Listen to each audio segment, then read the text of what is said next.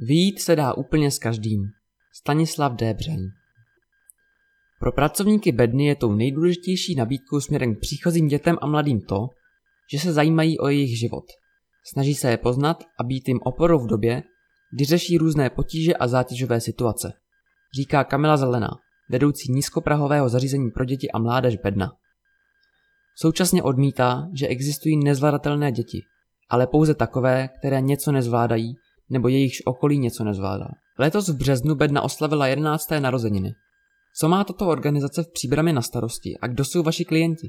Ano, máte pravdu. Zapsaný spolek Ponton provozuje v příbrami nízkoprahové zařízení pro děti a mládež Bedna už od roku 2010. Klienty Bedny jsou děti, mládež a mladí dospělí ve věku od 6 do 20 let, kteří tráví svůj volný čas rizikovým způsobem nebo jsou ohroženi sociálním znevýhodněním. To znamená, že zažívají různé nepříznivé sociální situace. Pod tímhle pojmem si můžete představit třeba to, že mají pro svůj vývoj omezující životní podmínky, jako jsou časté stěhování, vyrůstání v prostředí ubytoven, chronický nedostatek financí, dlouhodobě nezaměstnané rodiče či rodinu v dluhové pasti. Případně řeší různé obtížné životní události, jako třeba rozvod rodičů, výkon trestu rodičů, nemoc nebo umrtí v rodině, někdy také domácí násilí a další zátěžové situace. Mohou mít také konfliktní vztahy se svým okolím, případně se k ním vztahují některé další charakteristiky. Třeba se z finančních důvodů nemohou zapojit do běžných volnočasových aktivit. Dávají přednost trávení času mimo domov, vytvářejí si party, volný čas tráví pasivně, experimentují s alkoholem, marihuanou a dalšími návykovými látkami a mnohé další. Může do bedny chodit každý? Do bedny může přijít každé dítě nebo mladý člověk uvedeného věku. Spolu s pracovníky postupně zjistí, zda je bedna místo pro něho. A pokud ne, můžou mu pracovníci bedny doporučit jiná, vhodnější zařízení nebo instituce. Kolik lidí zajišťuje fungování bedny a z jakých prostředků je financována? V současnosti pracuje v bedně pět lidí, kteří mají různě velké úvazky. Vlastně už docela dlouho hledáme nového kolegu nebo kolegyni na pozici kontaktního pracovníka. Finance získáváme z většího množství zdrojů. Zásadní část rozpočtu pokrývají finance z Ministerstva práce a sociálních věcí a Středočeského kraje.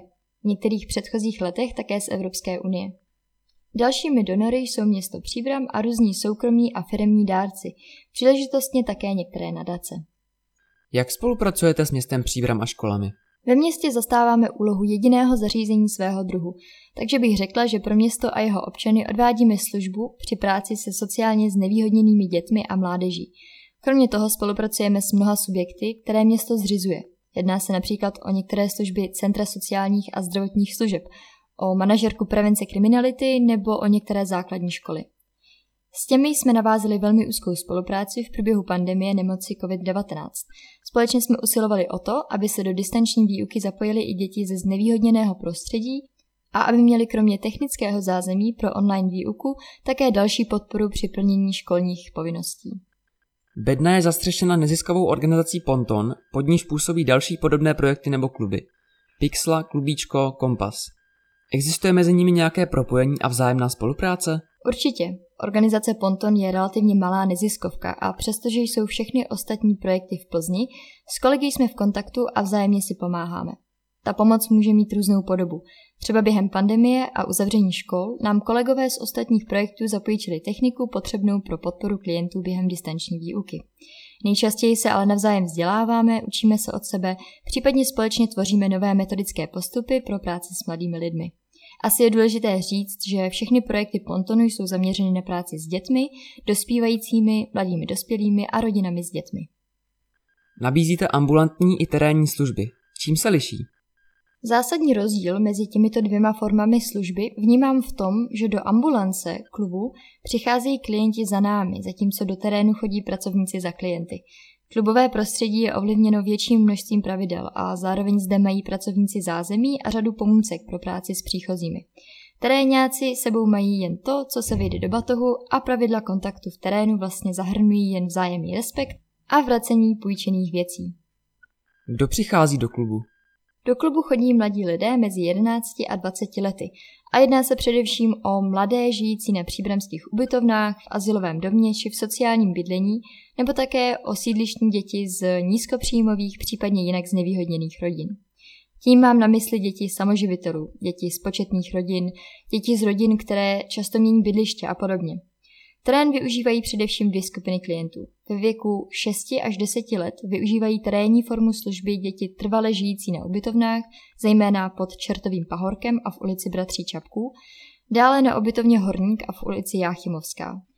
Ve věku 11 až 20 let se pak jedná převážně o sídlištní mládež, která tráví čas na ulici, združuje se do part, experimentuje s alkoholem a návykovými látkami, dopouští se vandalismu, krádeží, ojediněle i závažných trestních činů. Specifickou část klientely klubu i terénu tvoří mladí rodiče, především matky, kteří věkově spadají do cílové skupiny. Jaký je denní rytmus klubu Bedna? Co zde mohou návštěvníci dělat? Otevírací doba klubu i provozní doba terénu vychází z potřeb cílové skupiny a tím pádem se sezóně mění. V létě jsou pracovníci více v terénu, v zimních měsících je častěji otevřen klub. Obecně platí, že většina aktivit s klienty se odehrává v odpoledních a časných večerních hodinách. Samozřejmostí pro nás je, že se snažíme být i v tomto ohledu co nejdostupnější. Dobře se to ukázalo během pandemie. To jsme vlastně v závislosti na potřebách klientů provoz úplně změnili. V nízkoprahovém zařízení pro děti a mládež jsme vytvořili místo pro připojení na online výuku a od rána do odpoledne jsme se soustředili na podporu během distanční výuky. A co mohou návštěvníci v bedně dělat? Toho je poměrně hodně. Mohou se zde v bezpečném prostoru setkávat, půjčovat si různé vybavení pro trávení volného času, které sami nevlastní. Tím myslím opravdu široké spektrum věcí, od papíru a pastelek nebo fixek přes deskové hry, stolní fotbálek, posilovací náčiní až k počítači nebo hudebnímu vybavení a nástrojům. Pro pracovníky je potom tou nejdůležitější nabídkou směrem k příchozím to, že se zajímají o jejich život, snaží se je poznat a být jim oporou v době, kdy řeší různé potíže a zátěžové situace. S jakými potřebami, obavami či nejistotami se na vás děti a mladí nejčastěji obracejí? To je opravdu hodně různorodé. Co člověk, to příběh, co příběh, to potřeba. Ale asi jsou to nejčastěji vztahy. Vztahy jsou pro dospívající alfou a omegou života. Naši klienti často řeší vztahy s rodiči, širší rodinou, s učiteli, nadřízenými nebo dalšími autoritami, partnerské vztahy, vztahy ve vrstevnické skupině. Bednou prošly stovky dětí a mladých lidí. Je něco, co je spojuje? Našla jsem si, že od otevření do konce letošního května bylo v kontaktu s Bednou 1677 lidí. Co je spojuje? Asi potřeba mít nějakou bezpečnou osobu ze světa dospělých. Pracovníci nízkoprahového zařízení pro děti a mládež jsou takovou spojkou. Jsou to sice dospělí, obvykle vysokoškolsky vzdělaní lidé, kteří rozumějí problematice sociálního vyloučení, ale zároveň, a to je podle mě podstatné, jsou to lidé, kteří se zajímají o svět mladých. Mladé respektují, zajímají se o jejich životy, snaží se jim být na blízku a sdílet s nimi jejich životní prostor. Ano, s některými ano. Jsem si jistá, že každý, kdo do bedny nějakou část svého života chodil, byl kontaktem s nízkoprahovým zařízením ovlivněný. Jste v kontaktu i s mladými lidmi, kteří už do bedny nedocházejí? Máte pocit, že ovlivnila jejich životní dráhu? Můžete zmínit konkrétní příběh některého z dětí, kterým bedna pomohla? No víte, popsat nějaký konkrétní příběh, to bych asi potřebovala celý kahan. Příběhy našich klientů bývají často zamotané, proměnlivé, mnohovrstevnaté. Mám pocit, že pokud vám začnu vyjmenovávat, že jsme někomu pomohli udělat reparát, zařídit školku pro potomka, sehnat práci a byt nebo se psychicky sebrat po rozchodu s přítelem, většinou vám popíšu jen nepatrný střípek z klientova života a vůbec nezachytím podstatu toho, jaký jeho život je. A také jaký vztah je mezi pracovníky a klienty nízkoprahu. Jak se ten vztah postupně navazuje, upevňuje, rozvíjí a v mnoha případech také ukončuje, když klient doroste a my ho vyprovodíme na práh dospělosti. Ale pokud čtenáře zajímají úryvky z klientských příběhů, mohou si některé přečíst na našem webu. Řešíte v rámci klubu konflikty mezi uživateli? Ano, řešíme i konfliktní situace. Obvykle se jedná o běžná nedorozumění, jaká si můžete představit u pubertáků. V klubu mírní konflikty především jasně stanovená pravidla, jako třeba, že na klub nepatří hádky, nadávky, bitky, o která se jako pracovníci opíráme. A také to, že zde klienti chtějí být a být v klubu mohou, pokud dodržují pravidla. Některé děti jsou označované jako nezvladatelné. Je něco, co na ně platí, na co slyší a dokáže je přimět ke spolupráci? Nezvladatelné děti? To je zajímavý pojem. Zajímalo by mě, zda označuje to, že něco nezvládá dítě, nebo spíš, že něco nezvládá jeho dospělé okolí. Promiňte, tohle jsem musela říct. Myslím si, že pokud dospělý nedokáže vyjít s dítětem, je to on, co něco nezvládl. On je dospělý a na něm je odpovědnost za to, jak s dítětem vyjde. Naši klienti mají obvykle nevhodné vzory chování, vyvádějí různé věci, ale trvám na tom, že víc se dá s každým. Podstatou kontaktu s mladými je zájem o ně, respekt k jejich pohledu na svět a také učení příkladem. Část obyvatel z okolí klubu si v minulosti stěžovala na nevhodné chování některých návštěvníků nebo těch, kteří do bedny ještě nemohou a čekají na ostatní. Daří se vám komunikovat s veřejností a vysvětlovat smysl a potřebnost fungování nízkoprahu? Bohužel většina stížností k nám doputuje oklikou. Málo kdo ze sousedů zajde se svou stížností přímo za námi. To je škoda, protože pak nemůžeme reagovat na konkrétní situaci. Kromě toho je klub za plného provozu otevřen maximálně 20 hodin týdně. Část stížností přichází v době, kdy klub není otevřený. Některé stížnosti sice míří na bednu, ale vlastně s jejím provozem nesouvisejí. Lidé si stěžují na různé věci. Asi nejčastěji na hluk a nevhodné chování klientů, na jejich kouření nebo zprosté pokřikování. Rozumím tomu, co lidi žijící v okolí bedny štve, vím, jak se někteří naši klienti chovají. Zároveň si myslím, že je věcí společného úsilí celé většinové společnosti, aby chování těchto dětí a mladých lidí kultivovala. Někteří sousedé na to jdou zvláštním způsobem a tudíž nemohou dosáhnout žádného výsledku. Jaký význam podle vás má to, že na sprostě pokřikující dítě začnete sám sprostě řvát? Potíž je v tom, že veřejnost někdy zapomíná na to, že problematika sociálního vyloučení zahrnuje kromě jiného také nevhodné vzory chování, přebírání nevhodných vzorců při řešení běžných situací, etiku odlišnou od běžné populace.